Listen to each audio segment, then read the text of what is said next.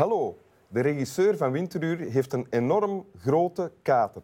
Maar dat zal geen invloed hebben op de beeldkwaliteit van deze aflevering. Die zal excellent zijn, zoals altijd. Net zoals Swami Bami, die zijn excellente hondenrol op prachtige wijze zal invullen. En ik hoop hetzelfde van mijn gast. Al gaat het Ik dan niet, het niet om een hondenrol, natuurlijk. maar, maar je hebt wel een hondenstem. Ja, ik heb een, een hondenstem. Hoe klinkt die? Ja. Ehm, ik zei daarnet tegen Swami Bami, uw vriendinnetje is hier. Ja, dus dat is, dat is wel echt een hondenstem. Ja.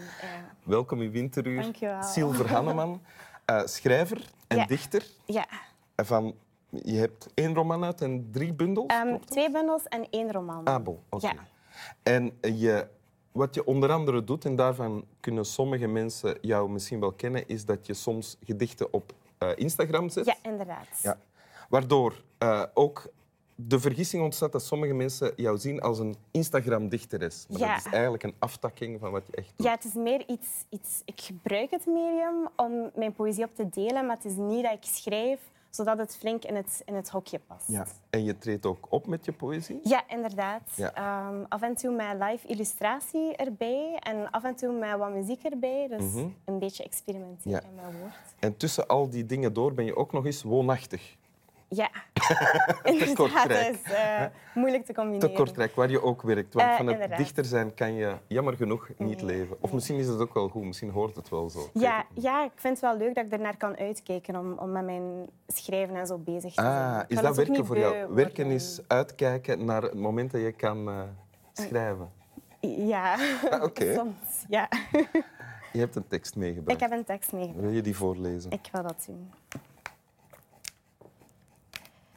En toch, als het schilderij dan lukt, kom je in een soort van hele korte roes van wat we zouden kunnen beschouwen als een soort raken van een realiteit. Raken van een soort zuiverheid.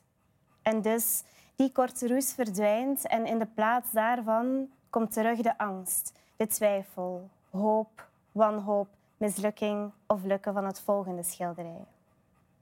De mens is alleen in staat tot herhaling. Het doel van de kunstenaar bestaat erin zijn limieten constant op te schuiven. Het is zijn plicht zichzelf op te offeren om in staat te zijn een beeld te vinden dat hij nog niet kende, maar moet leren kennen op het moment dat hij het aan het maken is. Een nieuw schilderij is al aan het wachten en nog één en nog één. Het schilderij wacht niet op de schilder.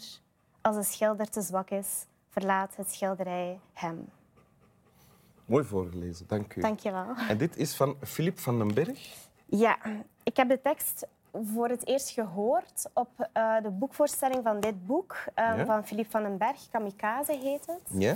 En daar droeg Peter Verhelst deze tekst voor. En hij heeft woorden gebruikt van Philippe van den Berg om eh, tot deze tekst te komen. Dus Ah, het is een beetje een mix van Philippe van den Berg, de schilder, en Peter Verhelst, Die de woorden heeft opgetekend die Ja. Filip van den Berg zo heeft gezegd. Ja, gezegd. Ja. Ook wel af en toe geschreven. ehm, Ja. ja.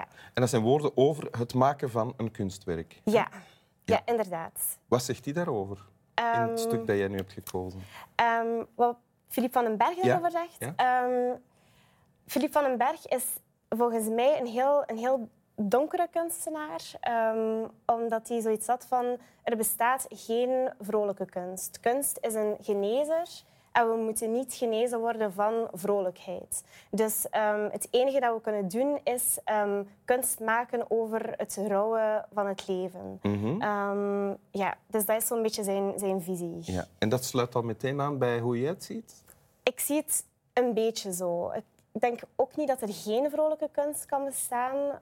Maar ik ben zelf ook wel geneigd om boeken te lezen, naar kunst te kijken die, ehm, die iets van herkenbaarheid leveren. Of die En misschien moeten we ook zeggen, van, je bent nog jong, maar je bent al wel je papa zes jaar geleden verloren. Ja, en je zus ook nog Ja, eens, drie, jaar, daarna, geleden. Ja. En dat komt ook terug in je teksten, het verdriet en het rouwen daarover. ja, inderdaad. Ik schrijf heel vaak over, over verdriet en rouw.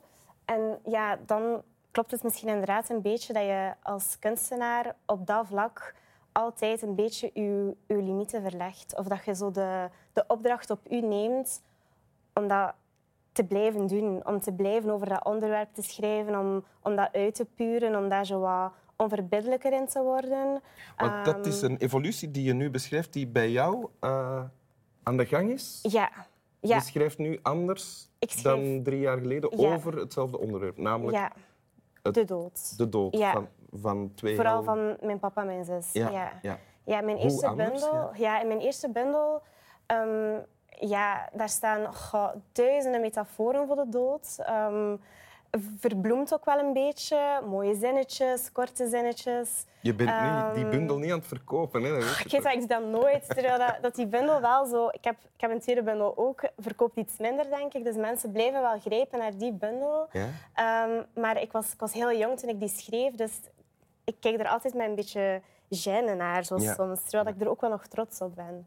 Ehm, maar als je dat vergelijkt met hoe dat ik de laatste tijd over de dood schrijf, dan gaat het ook over wat dat een impact, eh, wat dat, welke impact dat rouw heeft op bijvoorbeeld je relatie. Ehm, dat zijn dingen dat ik zes of vijf jaar geleden niet over ging geschreven hebben. En schrijf je nu dan ook minder verbloemd? Schrijf je directer? Ja. Ja, ik had ooit een interview gezien met Lise Spit en Marieke Lucas Rijneveld, Ja. eh, waarin Lise aan Marieke had geleerd van je moet onverbiddelijk zijn. Ehm, Genadeloos. En, ja, en toen dacht ik, amai, ja, dat is waar. En, Waarom moet je dat zijn?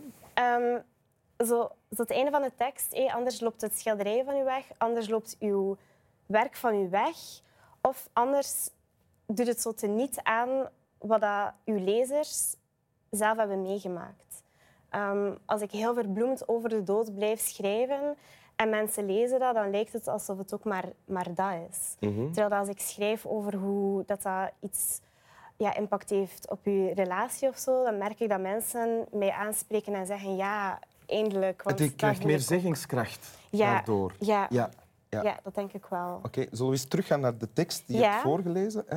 Ehm, het begint met eh, schilderen, want hij heeft het over schilderen. Ja. maar jij ziet veel Ja, verband. ik merkte heel veel ehm, gelijkenissen over het schrijven van een gedicht. Ja. Terwijl Ja. Philippe van den Berg wel zelf zoiets heeft van hetgeen dat niet geschreven kan worden, wordt op doek gezet, herken ik toch heel veel Ja. erin terug.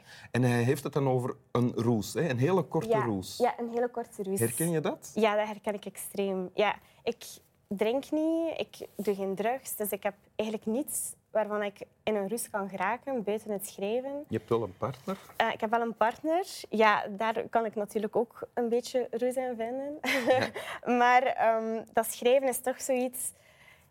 Een keer dat, dat ik voel dat ik een beeld heb, dat past bij het gevoel dat ik heb, en ik begin daarover te schrijven, dan kan ik echt weg zijn van de wereld. Dan kunnen er mensen mij aanspreken, passeren. Ik, ik ga dat niet doorhebben. En dan op het einde van dat gedicht heb ik echt ehm, spierpijn. Gewoon. Echt? Ja, ja, echt. Ja. En, ja. en hoe duurt dat dan ook? Want hij zegt het is een, een korte roos. Ja, die roes is, is na, na drie minuten uitgewerkt. Ah, en dan ja. denk je, oei, ik weet niet of ik het nog een keer ga kunnen. Ja, want dan komt de angst terug. Ja, hè? voilà. Dan heb je terug die, die angst, wanhoop. Ik ga dat nooit nog een keer zo goed kunnen doen. Ehm, ja. En gebeurt dat dan ook? Dat je ervoor Ja. gaat zitten en dat het niet, niet komt? Ehm, dat heb ik nog nooit gehad. Dat, dat moest gebeuren en dat niet kwam. Maar die angst is er wel altijd. Misschien was dat het laatste goede gedicht dat ik heb geschreven. Misschien was mijn boek het enige wat ik nog kon doen. Ja. Ehm, ja.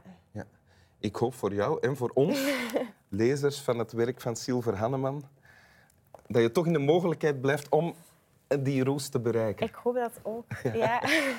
Wil je het nog eens voorlezen? Ja, ik wil dat zien. En toch, als het schilderij dan lukt, kom je in een soort van hele korte roes van wat we zouden kunnen beschouwen als een soort raken van een realiteit. Raken van een soort zuiverheid. En dus, die korte roes verdwijnt en in de plaats daarvan komt terug de angst, de twijfel, hoop, wanhoop, mislukking of lukken van het volgende schilderij.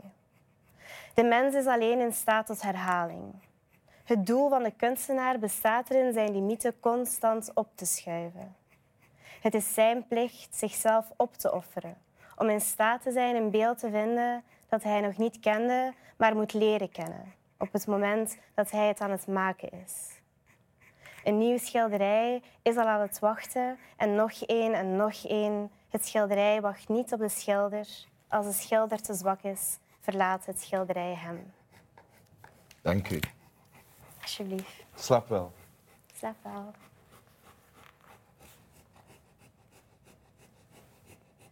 Heb je dan eigenlijk altijd zin om te beginnen schrijven? Ja. Ja? Ja. Altijd.